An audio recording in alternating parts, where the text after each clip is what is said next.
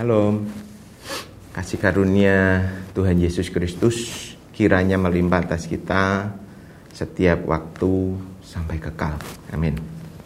Mari kita baca satu ayat di 1 Timotius 1 ayat 2. Saya akan bacakan. Kepada Timotius, anakku yang sah di dalam iman, kasih karunia, rahmat dan damai sejahtera dari Allah Bapa dan Kristus Yesus Tuhan kita menyertai engkau. Nah, kalau kita baca menurut kaidah bahasa Yunani, maka bunyinya kepada Timotius anakku yang sah, spasi agak panjang. Di dalam iman, kasih karunia, rahmat dan damai sejahtera. Nah, saudara, pernyataan Rasul Paulus bahwa Timotius ini adalah anakku yang sah dalam bahasa Yunaninya genesio, genuine, asli, sah. Ini adalah maksud dari surat Paulus ini.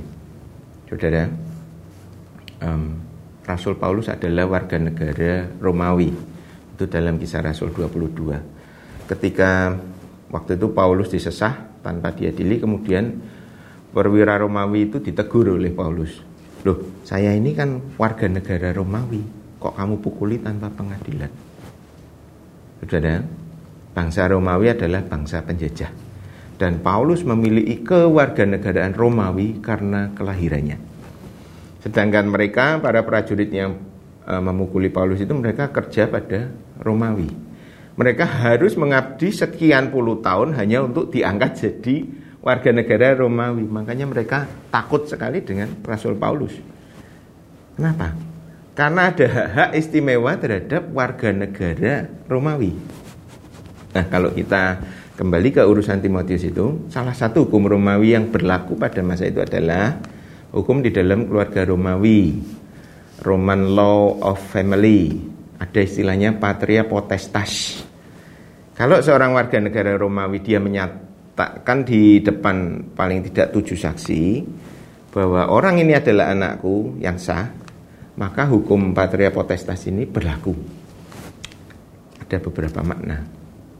Pertama, berarti Timotius adalah milik Paulus. Kemudian hak warisnya dia dapatkan. Kemudian kewarganegaraan Romawi juga otomatis dianugerahkan pada Timotius. Bayangkan saudara, prajurit aja kalau mau jadi warga negara Romawi dia harus susah payah. Ini Timotius diangkat jadi anak, jadi warga negara Rom.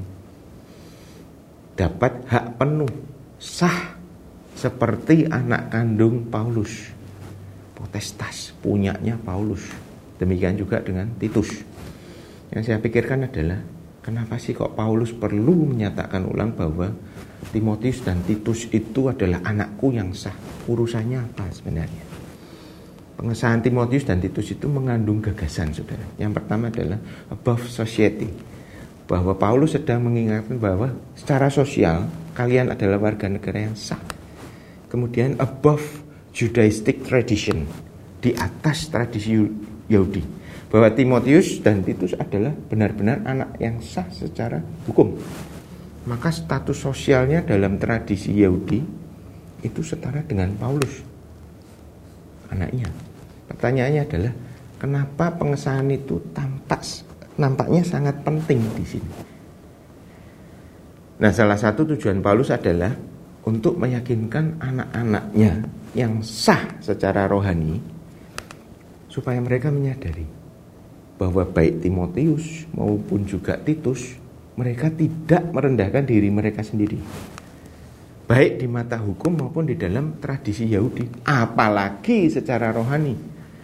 Paulus sedang menguatkan bahwa jangan sampai gugatan-gugatan luar itu eksternal menghambat pekerjaan Tuhan di dalam Timotius dan Titus.